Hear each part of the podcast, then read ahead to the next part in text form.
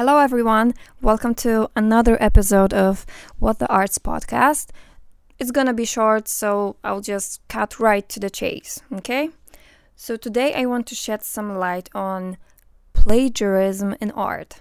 So, here's the thing every piece is inspired by another, but some influences are just too much to pass off as inspiration and especially with that increased ease of access to like millions of artworks created by big and small artists and plagiarism is raising problems in the community and it's something that you as a creator should start caring about a little bit more because it's more than just copying piece of art found online or otherwise, plagiarists can literally reproduce anything like sketches, sculptures, paintings, photos, or even fashion designs because fashion is also a part of art, right?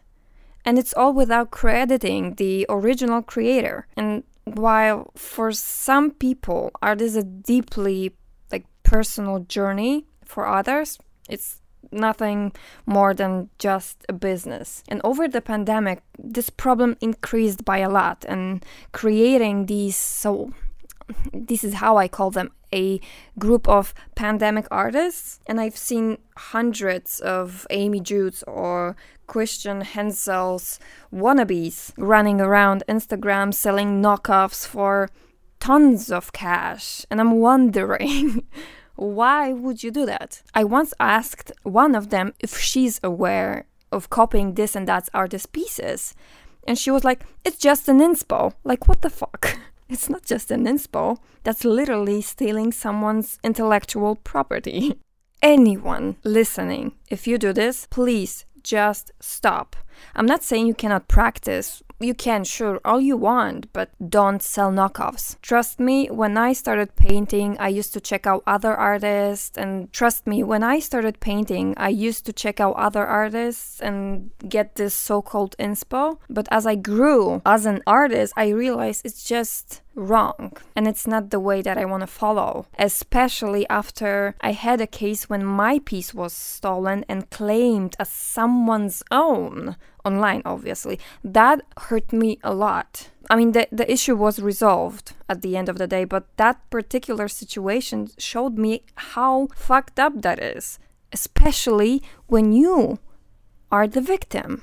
And what is worth noticing, art doesn't just get plagiarized by other artists.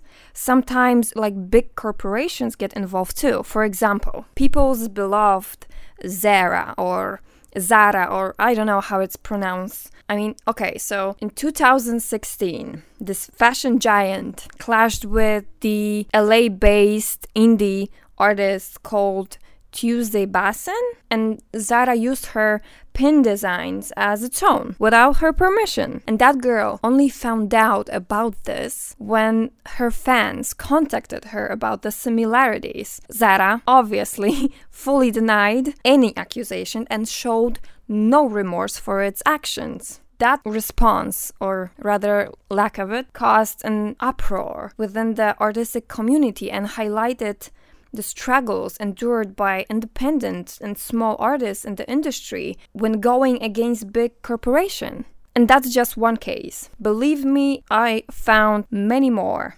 Stealing intellectual property of any artist is an illegal act, so beware as I said, this one's gonna be short. So, with that being said, stay away from any sort of plagiarism and embrace your own artistry, and you will realize how much rewarding it is to create your own piece and getting recognition for it. Also, check out copyright laws from time to time in your country. That's a good tip. So, that's it for today. Thanks for showing up and see you next time. Bye.